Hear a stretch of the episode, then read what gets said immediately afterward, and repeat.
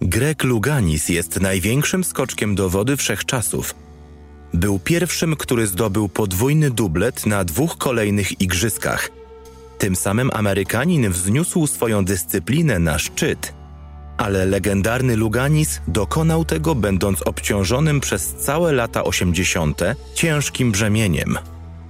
Pozytywnym wynikiem testu na HIV, który długo utrzymywał w tajemnicy.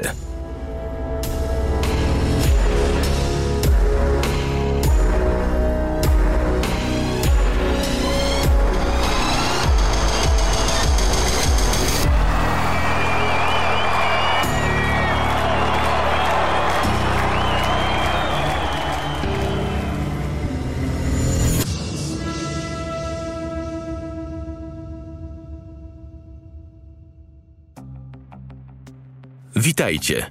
Zapraszamy do wysłuchania wyjątkowych olimpijskich historii. Najwięksi bohaterowie, najbardziej emocjonujące chwile, fakty, których nie znaliście i legendarne momenty. Wejdźcie z nami do świata dramatów, sukcesów i olimpijskich wzruszeń. Nie zapomnijcie też subskrybować, ocenić oraz zrecenzować naszych podcastów. Wzruszenie ramionami, niczym obraz, może powiedzieć tysiąc słów.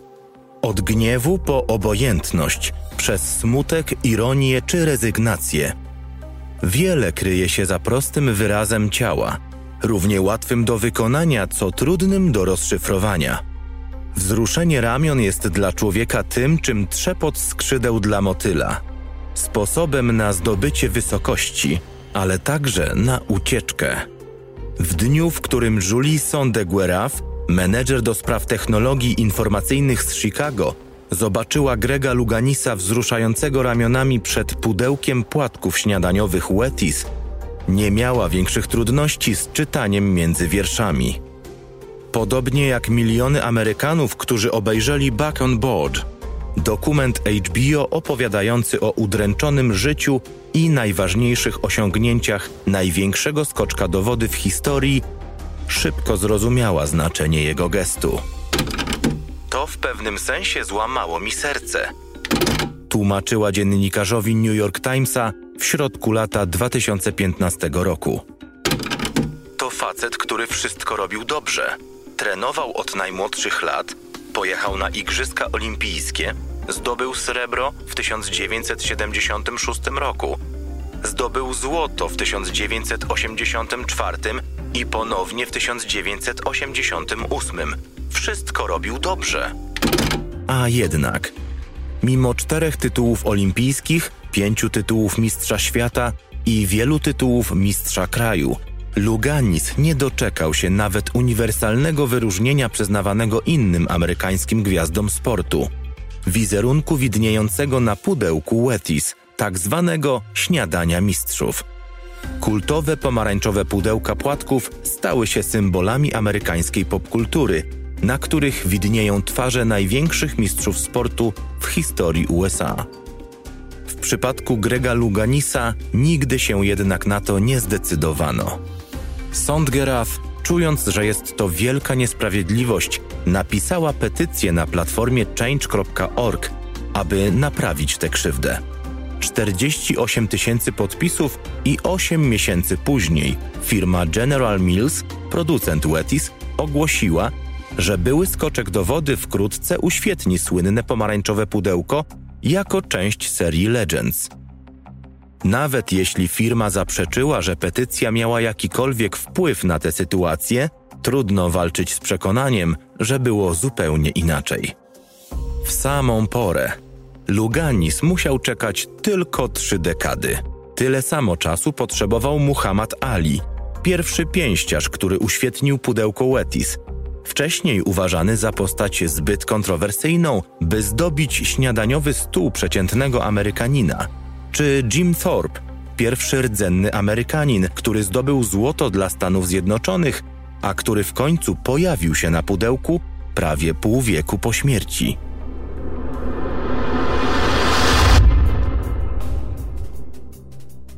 Greg Luganis nigdy nie chciał nikogo obwiniać. Mimo to nie był głupcem. W głębi duszy zawsze wiedział. Jego triumfy i dominacja przypadły na czasy, w których emocje i napięcia kłębiły się w powietrzu. Świat nie był gotowy na taką gwiazdę. Lecz kiedy w końcu pojawiał się na półkach sklepowych, sławiono Luganisa jako człowieka, nie fałszywą, rozwodnioną wersję niezwykłego mistrza sportu. To był Luganis obnażony, Luganis homoseksualista, aktywista HIV, więc może jednak warto było czekać.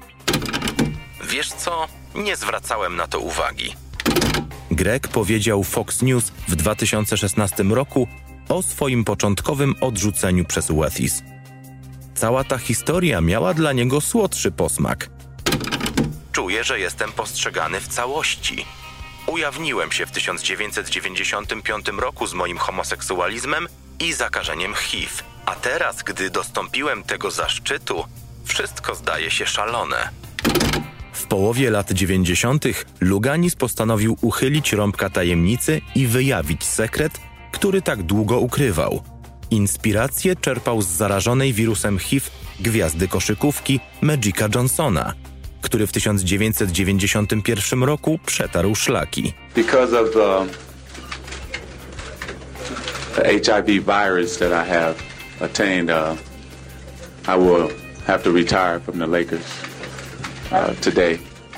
Kilka miesięcy później gwiazdor tenisa Arthur Ashe poszedł w ślady ikony Lakersów, ujawniając, że zaraził się chorobą w wyniku transfuzji krwi, którą otrzymał podczas operacji wszczepienia bypassów serca w 1983 roku. I have known, of course, that I have AIDS since September 1988 and lived a relatively free life uh, with very few opportunistic infections until just recently. Luganis wykorzystał autobiografię na powierzchni jako przyczynek do swojego oficjalnego coming outu. Książka przez pięć tygodni była numerem jeden na liście bestsellerów New York Timesa, a także pozwoliła mu szczerze opowiedzieć o mieczu Damoklesa, który wisiał nad jego głową od marca 1988 roku. To właśnie wtedy, zaledwie sześć miesięcy przed igrzyskami w Seulu, Luganis poddał się testowi na obecność wirusa HIV.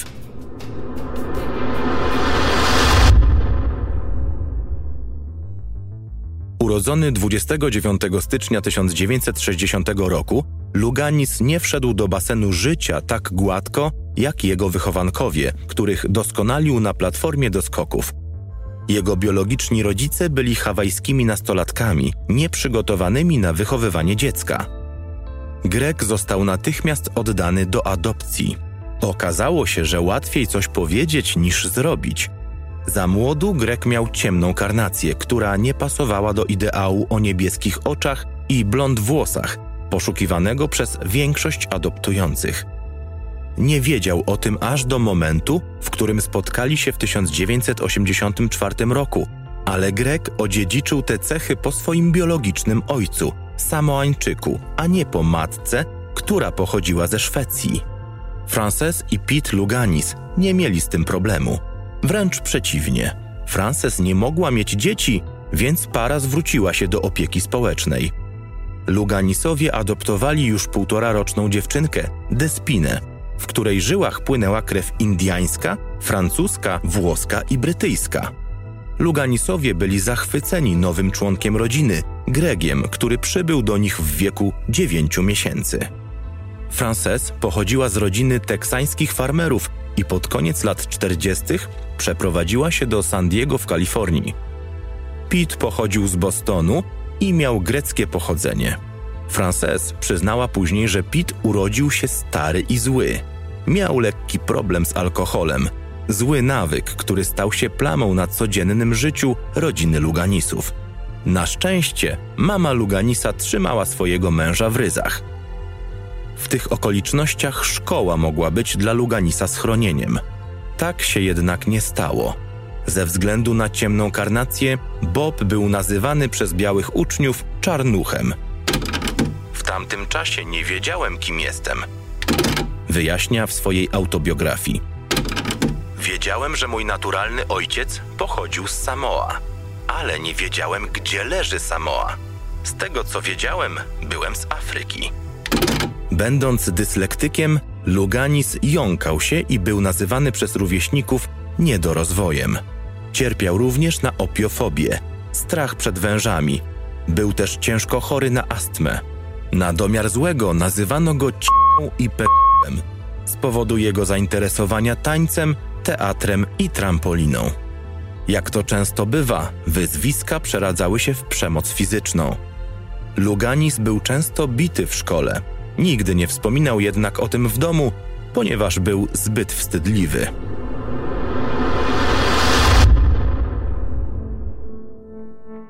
Luganis z trudem odnajdywał swoją drogę. Jego chęć zemsty i poczucie niesprawiedliwości nie były siłą napędową, okazały się za to strasznie destrukcyjne. W wieku 12 lat, trzy lata po tym jak zaczął palić, przyszły czterokrotny mistrz olimpijski pogrążył się w ciężkiej depresji. Wkrótce zaczął też pić, aby uciec od kłopotów. Kłócił się z matką, która groziła, że wyśle go do zakładu poprawczego. Potem nastąpiły trzy próby samobójcze. Dopiero w dniu, w którym udał się do agencji adopcyjnej i odkrył, że jego rodzice porzucili go z konieczności, a nie dlatego, że go nie kochali, zaczął szukać rozwiązania. O ile małemu Luganisowi wciąż było daleko do pana idealnego, którym zostanie nazwany przez gazetę The Guardian w 1984 roku po powrocie z igrzysk w Los Angeles, o tyle korzenie jego przemiany zaczęły wrastać w ziemię. Tym oceanie rozpaczy był bowiem basen, prawdziwy, w ogrodzie Luganisów, którzy przeprowadzili się do nowego domu pod koniec lat 60. Młody Grek uwielbiał do niego wskakiwać. Zwinny na nogach i obdarzony wrodzonym zmysłem artystycznym, Luganis wykazywał tak duże zainteresowanie i talent, że w wieku zaledwie 18 miesięcy został przyjęty na zajęcia stepowania prowadzone przez siostrę. Wkrótce zaczął też doskonalić się w gimnastyce, a szczególnie utalentowany był na trampolinie. W wieku 3,5 roku wykonywał już solowe układy na scenie. Greg znalazł ujście niezliczonych frustracji. Basen stanowił przedłużenie jego artystycznych wysiłków. W wieku 9 lat próbował powtórzyć swoje ruchy z platformy do skoków. Najczęściej kończyło się to upadkiem na brzuch – w obawie, że może sobie zrobić krzywdę, jego matka postanowiła zafundować Gregowi lekcje na pobliskim basenie w Lamesa. Nie chodziło o to, że moja matka miała wizję, że będę wielkim sportowcem czy coś takiego. Po prostu nie chciała, żebym sobie skręcił kark. Luganis pisze w swojej książce. Historia dopiero się tworzyła.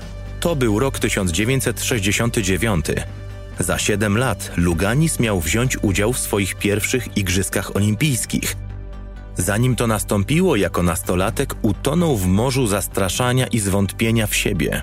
Na tych wzburzonych wodach jedna rzecz utrzymywała go na powierzchni skoki do wody. Jedyna rzecz, którą miałem, to moje osiągnięcia i występy na platformie. Luganis opowiadał w filmie dokumentalnym ESPN Gęstsze niż woda. Myślałem, że to jedyna rzecz, którą miałem do zaoferowania jako osoba. Dlatego tak ważne było dla mnie, aby być absolutnie najlepszym, bez względu na wszystko. A jego najlepsze wyniki szybko okazały się też najlepsze w całej stawce, co potwierdził wiele lat później jego trener Ron O'Brien. Nazwałbym Grega najlepszym skoczkiem do wody, jaki kiedykolwiek istniał. Kiedy zaczynał, 28 krajowych tytułów było dorobkiem najlepszego zawodnika wszechczasów. Kiedy odchodził na emeryturę, sam miał ich 47. Był to ten sam O'Brien, który widząc dziesięcioletniego Luganisa po raz pierwszy, został uderzony jakością skoków chłopca inną niż widzianą u kogokolwiek innego. Był silniejszy i miał w sobie coś więcej niż wyjątkowego.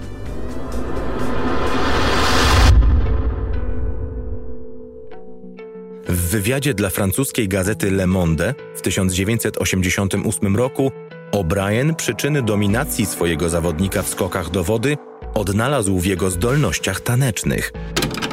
To jest właśnie ten decydujący aspekt. Dzięki niemu skoczkowie do wody zrozumieli, że są artystami. Oglądanie skoków Grega Luganisa jest jak oglądanie tańca Michaiła Barysznikowa. Powiedział. O ile O'Brien postrzegał swojego zawodnika jako Barysznikowa skoków do wody, o tyle również dostrzegał podobieństwo z wielkim Rudolfem Nurjejewem, innym wybitnym tancerzem baletowym. Jak mówił Washington Post, pewien tancerz, nie jestem pewien, czy był to Nurjejew czy Barysznikow, powiedział, że taniec to tworzenie iluzji sprawiającej wrażenie, że nie wykonujesz nic niezwykłego. To jest właśnie to, co Greg robi na platformie do skoków. Sprawia, że to zadanie wygląda na łatwe, wykonane bez jakiegokolwiek wysiłku. Nie ulega wątpliwości, że Luganis wykazywał się na desce absolutną gracją, którą łączył z wyjątkową siłą, a jego budowa ciała była idealna dla tej dyscypliny. W czasach swojej świetności Luganis nie był ani za duży, ani za mały. Miał 175 cm wzrostu, ważył 68 kg, co stanowiło dla niego idealne proporcje. Dodając do tego wyskok o wysokości 93 cm, Luganis był po prostu stworzony do tego, aby uprawiać tę dyscyplinę. Miał niezwykłą technikę skoków połączoną z wyjątkową gracją i estetyką. Był facetem pięknym zarówno fizycznie, jak i sportowo. Nie miał zdrewniałego łuku, przy tym cieszył się świetną linią nóg, jednocześnie będąc niezwykle silnym. Tłumaczy Jérôme Naliot, francuski skoczek, który startował na Igrzyskach w Seulu w 1988 roku. Był tak niezwykłym sportowcem, że sprawiał, że to wszystko wyglądało na bardzo łatwe. Miał fenomenalną siłę. Około 1982 lub 1983 roku sprawiał wrażenie, jakby pod względem techniki wyprzedzał wszystkich o 15 lat. John Anders, lokalny trener, zauważył go już na samym początku. Luganis grał w innej lidze niż inni. Szybko mentorem Grega został dr Sami Lee, najlepszy w tym fachu. Dr Lee może i miał dyplom z medycyny, ale był też dwukrotnym mistrzem olimpijskim w skoku z wieży dziesięciometrowej w Londynie w 1984 roku i w Helsinkach cztery lata później. And Sammy Lee, whose parents were born in Korea, becomes the first two-time winner in Olympic diving history. Jako pierwszy Amerykanin pochodzenia azjatyckiego, który zdobył złoty medal dla Stanów Zjednoczonych, również wiedział co nieco o dyskryminacji. Gdy widziałem go po raz pierwszy, wiedziałem, że będzie największym skoczkiem do wody w historii, jeśli dostanie odpowiedniego trenera. Takie były przemyślenia Lee po tym, jak zobaczył zaledwie 11-letniego Luganisa na platformie. Nie tylko skakał o wiele wyżej niż wszyscy jego rówieśnicy, ale także stawiał w cieniu tych kilka lat starszych od niego. Z kimś takim jak on, organizatorzy będą musieli podnieść punktację do 11 i 12 punktów. Lee miał wkrótce powiedzieć magazynowi Sports Illustrated.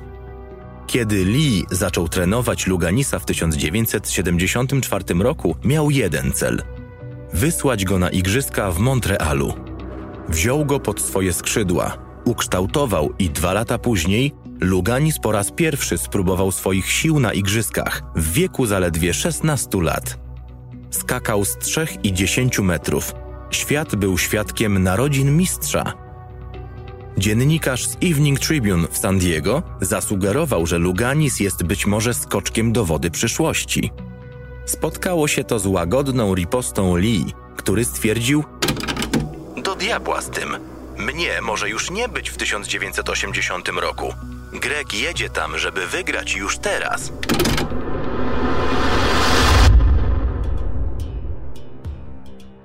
O ile przewidywania Lee dotyczące sukcesu w Montrealu nie spełniły się, o tyle wcale nie było tak daleko do realizacji celu. Luganis nie wygrał, lecz bardzo się wyróżnił. Szósty na trzymetrowej trampolinie, co później tłumaczył silnym bólem zęba. Dał się we znaki włoskiemu faworytowi Klausowi Di Biasiemu w konkursie na dziesięciometrowej wieży. Tak zwany blond anioł nurkował po trzeci tytuł olimpijski i niemalże zostałby pokonany przez młodego Amerykanina, który ostatecznie zdobył srebro. Podczas gdy Luganis czuł rozczarowanie, DiBiase widział wystarczająco dużo, aby wiedzieć, że następca stoi po jego prawej stronie na podium. Pochylił się i szepnął Luganisowi do ucha. Za cztery lata to ty będziesz tu, na szczycie. DiBiase nie miał racji, ale też nie mylił się całkowicie. Następnym razem, gdy Luganis pojechał na igrzyska, rzeczywiście zdobył dwa złote medale. Jak się jednak okazało, nie stało się to w Moskwie, lecz 8 lat później w Los Angeles. Poza dziewiczym srebrnym medalem, igrzyska w Montrealu były dla Luganisa również momentem, w którym po raz pierwszy otworzył się na swoją orientację seksualną. Nie publicznie, ale przed Scottem Cranhamem, kanadyjskim skoczkiem do wody, którego znał od dzieciństwa.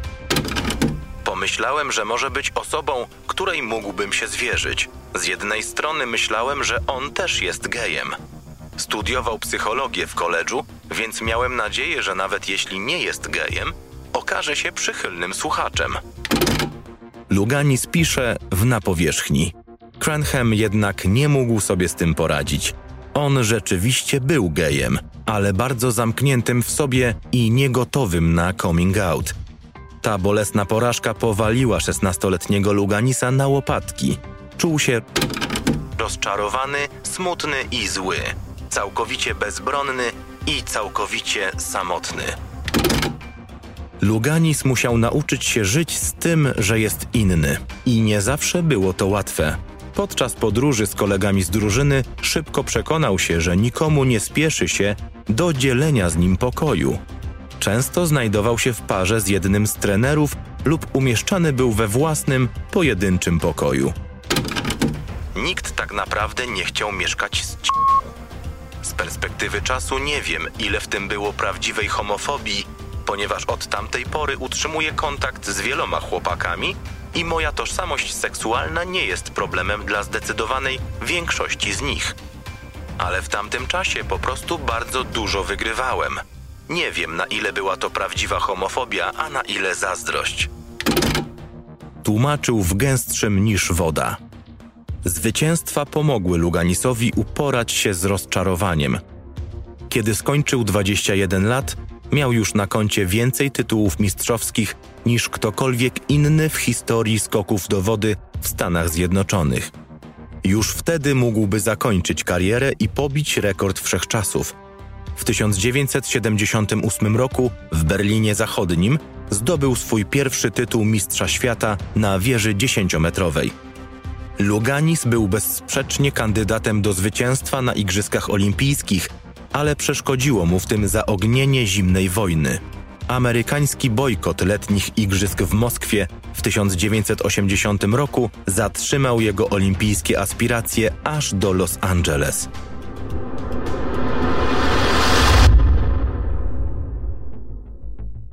Kiedy przybył do miasta Aniołów w 1984 roku, Greg Luganis był dominatorem. Bez cienia wątpliwości najbardziej kompletnym skoczkiem do wody swojego pokolenia. Być może ogólnie w dziejach tego sportu. W 1982 roku na Mistrzostwach Świata w ekwadorskim Guayaquil udowodnił to w porywający sposób.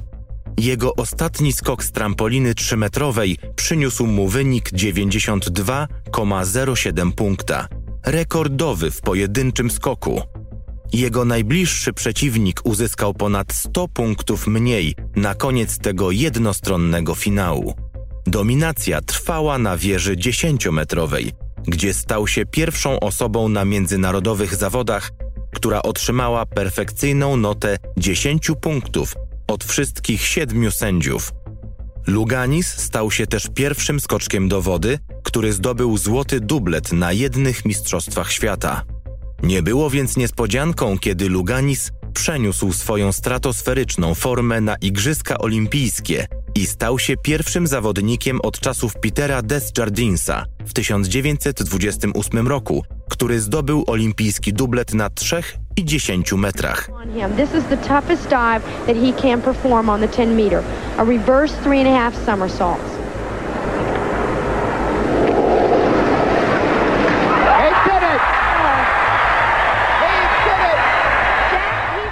Luganis po prostu zniszczył konkurencję. Przekroczył nawet granicę 700 punktów w finale trampoliny. Kolejny olimpijski rekord. Jego wynik 754,41 punkta był o ponad 92 punkty lepszy od kolejnego rywala. Podobnie było na wieży. Jego kolega z reprezentacji, Amerykanin Bruce Kimball, był drugi, ale gorszy o 67 punktów, podczas gdy Luganis zdobył 710,91 punkta, najwięcej w historii konkurencji. Później przyznał się, że słuchał muzyki z filmu Rydwany ognia na Walkmanie, trzymając w ręku swojego pluszowego misia, aby uspokoić nerwy przed historycznym, finałowym skokiem. Starając się nadać kontekst osiągnięciom Luganisa, O'Brien powiedział: Dziennikarze prosili mnie, abym porównał to do występów w innych sportach.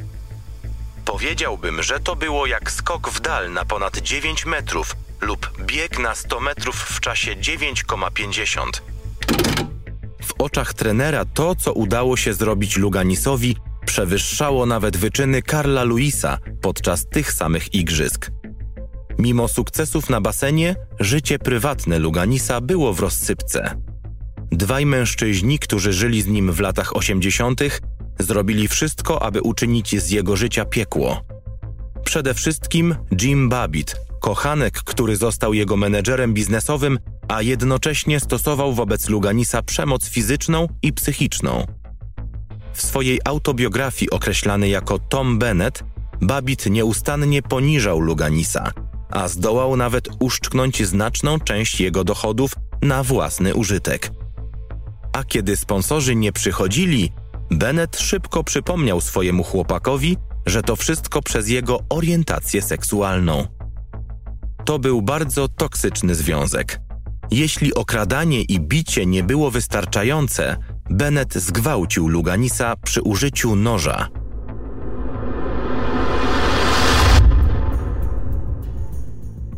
Pełnej amerykańskich sukcesów dekadzie Luganis był tylko jedną z wielu wyróżniających się postaci. Ale lata 80. to także czas, kiedy pandemia AIDS pojawiła się w codziennym życiu ludzkości. A rare herpes virus may attack the body's immune system, bringing with it the cancer or a lethal form of pneumonia. It was devastating, you know. I'm, at that time, I was 29 years old. To, to be told that I had uh, cancer was just it AIDS, stanowiące wyraźne i aktualne zagrożenie, było nową i nierozpoznaną chorobą, która rosła w siłę pod koniec lat 70. w zachodniej części kraju.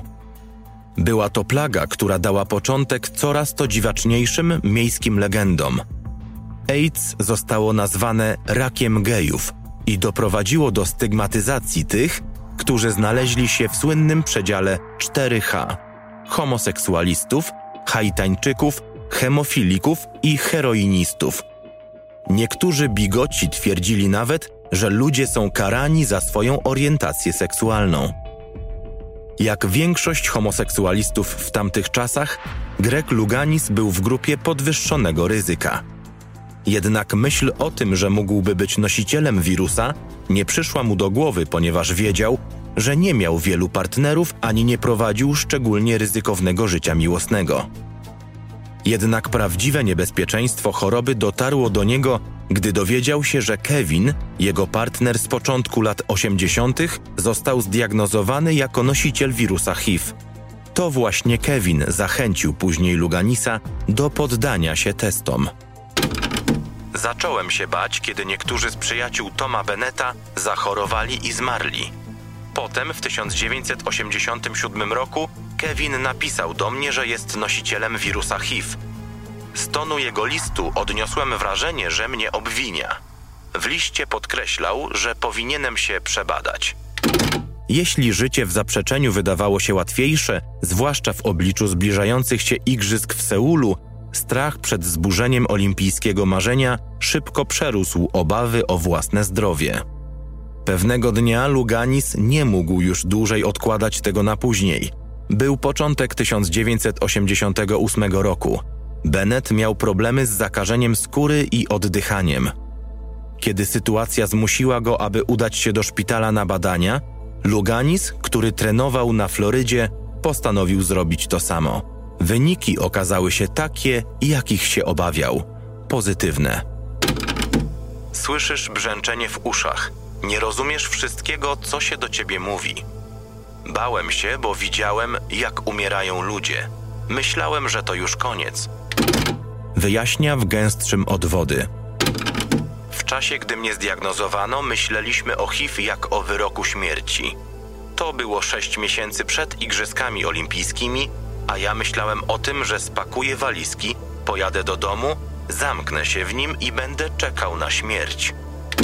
Lekarz, który mu towarzyszył, powiedział Luganisowi, że wręcz przeciwnie. Najlepszą rzeczą do zrobienia byłoby teraz ukierunkowanie się na igrzyska.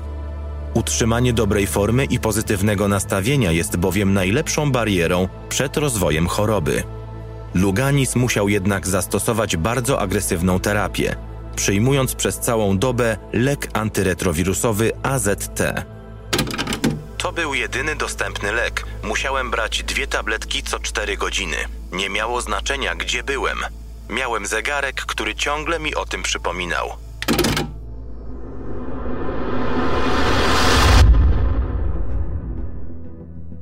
Tajemnica okazała się ciężka do zniesienia i trudna do podzielenia się. Otwarcie się i szczerość nie wchodziły w grę. Z AIDS wiązało się mało współczucia. Wspomina Luganis. Tylko jedna osoba mogła to zrozumieć Ron O'Brien. W tym momencie O'Brien był jego trenerem już od dekady. Mieli dobre relacje w pracy, jak i poza basenem.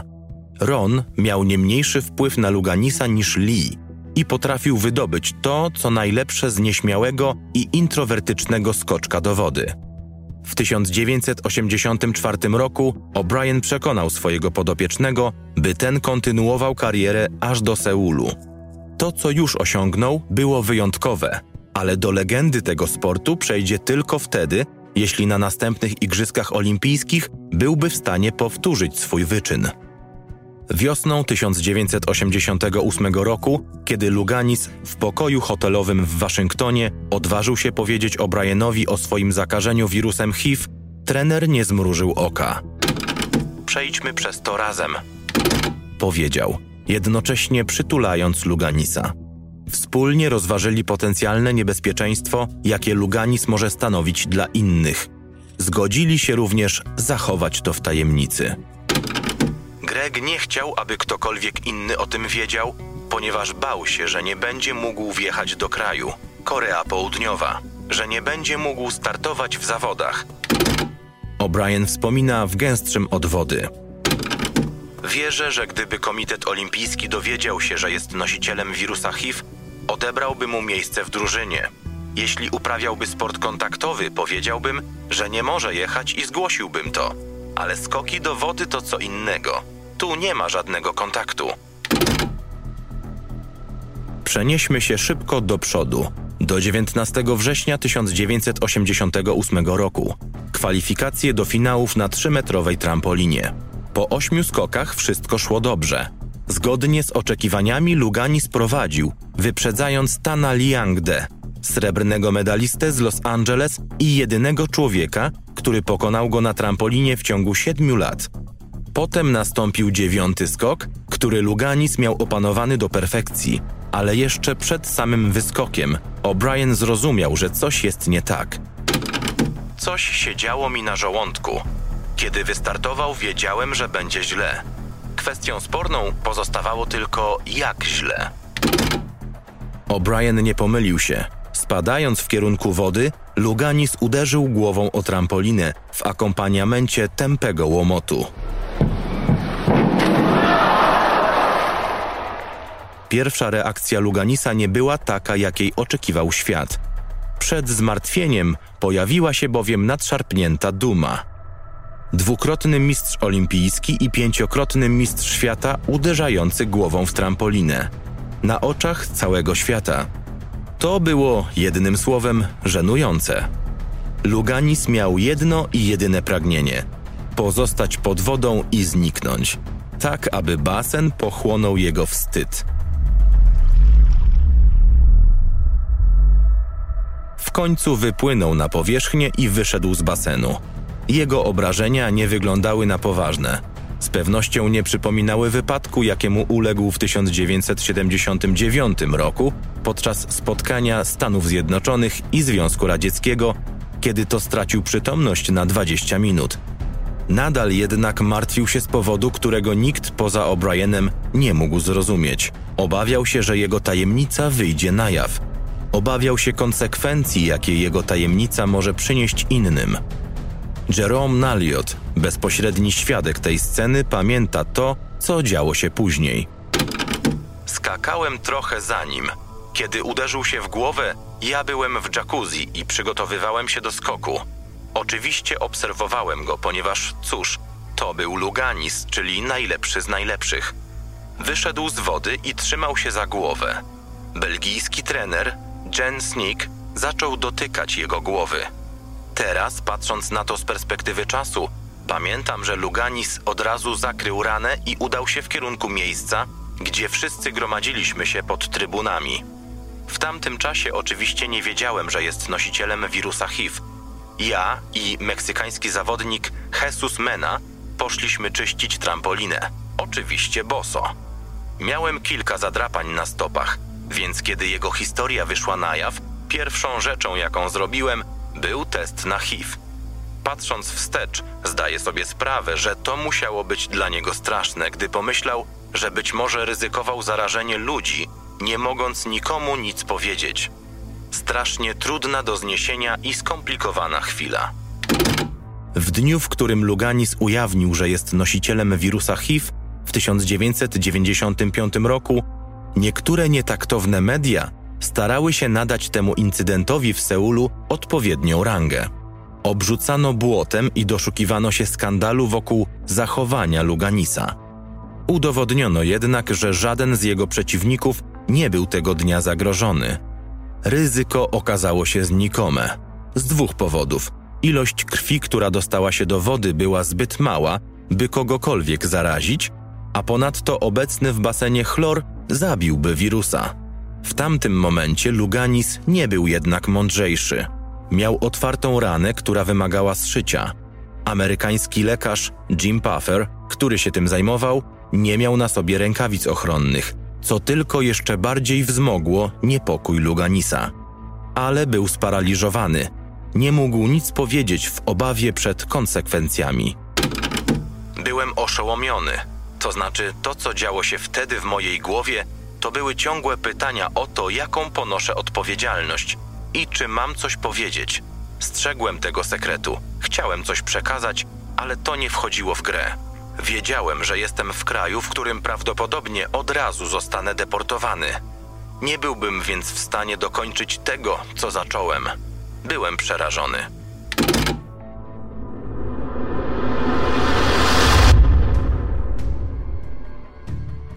Luganis nie wiedział, co powinien zrobić.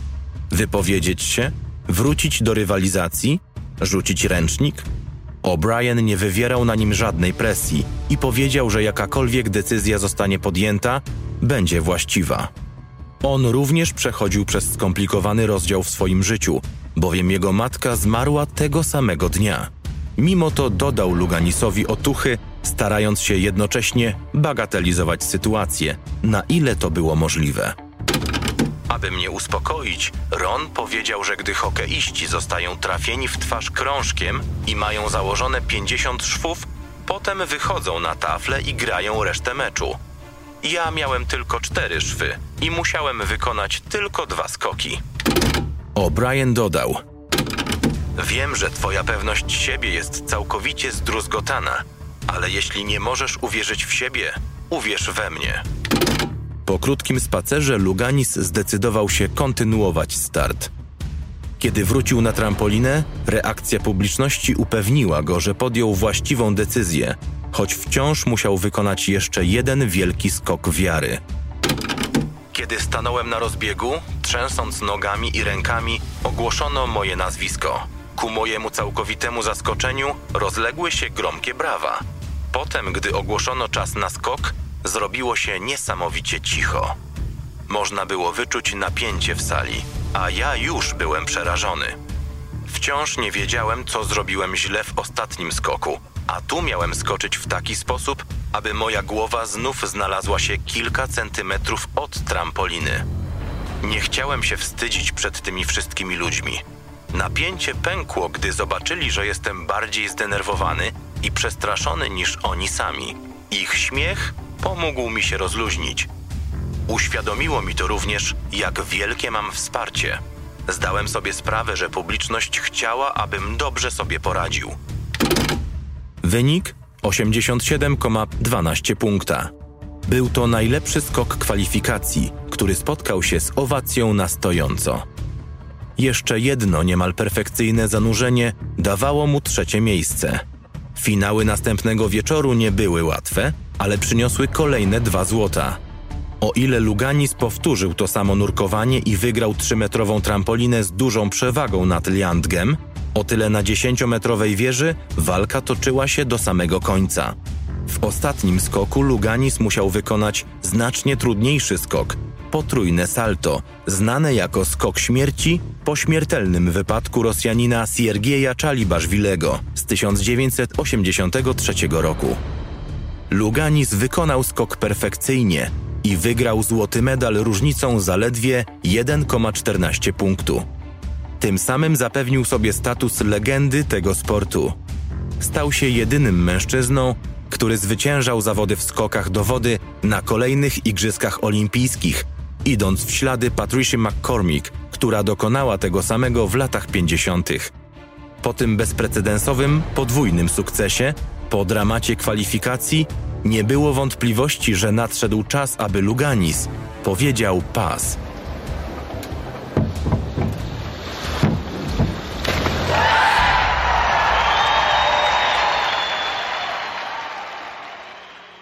Od czasu jego olimpijskiego występu w Montrealu konkurencja rosła w siłę, a on sam również się zmienił. W 1976 roku byłem szkieletem. W 1984 byłem taki, jaki powinienem być. W 1988 byłem już znacznie większy. Wspomina Luganis. W 1988 roku miał już o wiele większy ciężar. Nadal dbał o siebie, ale wszyscy widzieliśmy zmiany, jakie w nim zaszły. Wydawało się, że zdecydowanie nadszedł czas pożegnania. Potwierdza Naliot. Podczas skoków tyłem w Seulu znajdował się niezwykle blisko trampoliny. Byliśmy w tej samej grupie treningowej co Amerykanie i już wtedy sprawiał wrażenie trochę przestraszonego, a na zawodach często podchodził jeszcze bliżej trampoliny. W finale wykonał skok tyłem, w którym prawie doszło do kontaktu z deską. Był cięższy, więc musiał bardziej ryzykować. Może też dlatego zbliżał się do zahaczenia głową o deskę bardziej niż w 1984 roku. Igrzyska Olimpijskie w Los Angeles w 1984 roku uczyniły z niego gwiazdę. Rok 1988 legendę.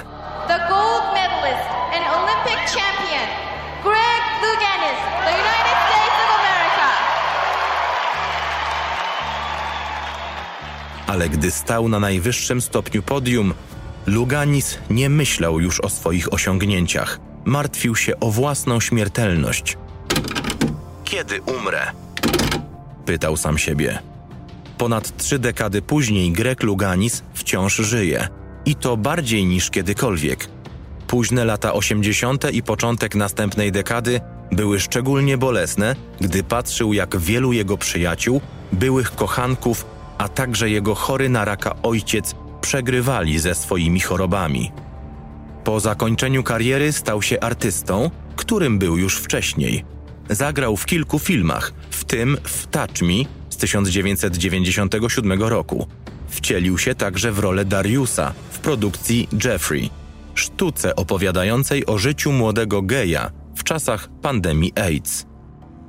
Aktor, autor, publicysta, aktywista LGBT, mentor reprezentacji Stanów Zjednoczonych w skokach do wody, zapalony uczestnik konkursów agility dla psów. Luganis był bardzo zajęty po swoich ostatnich zawodach w życiu. W zasadzie jedyną rzeczą, której nie robił, stały się właśnie skoki do wody. W jego domu w Malibu jest basen, ale nie ma tam deski do skoków.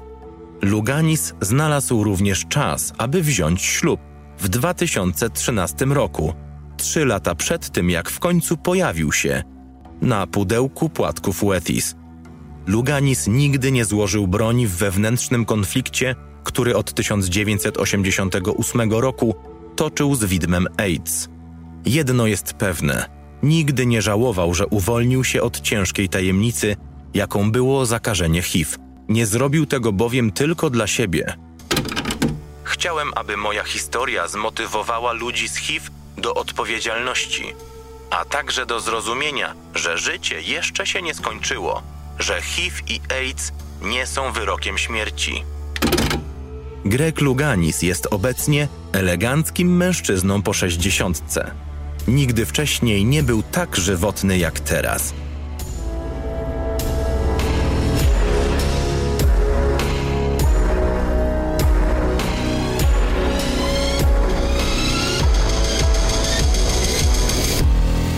Wysłuchaliście podcastu Wyjątkowe Olimpijskie Historie. Autorami serii są Maxime Dupois, przetłumaczył Jakub Ostrowski, czytał Dariusz Januszewski. Edycja Gilles Bawulak. Produkcja Baba Bam. Zapraszamy do subskrybowania, oceniania i recenzowania naszych podcastów.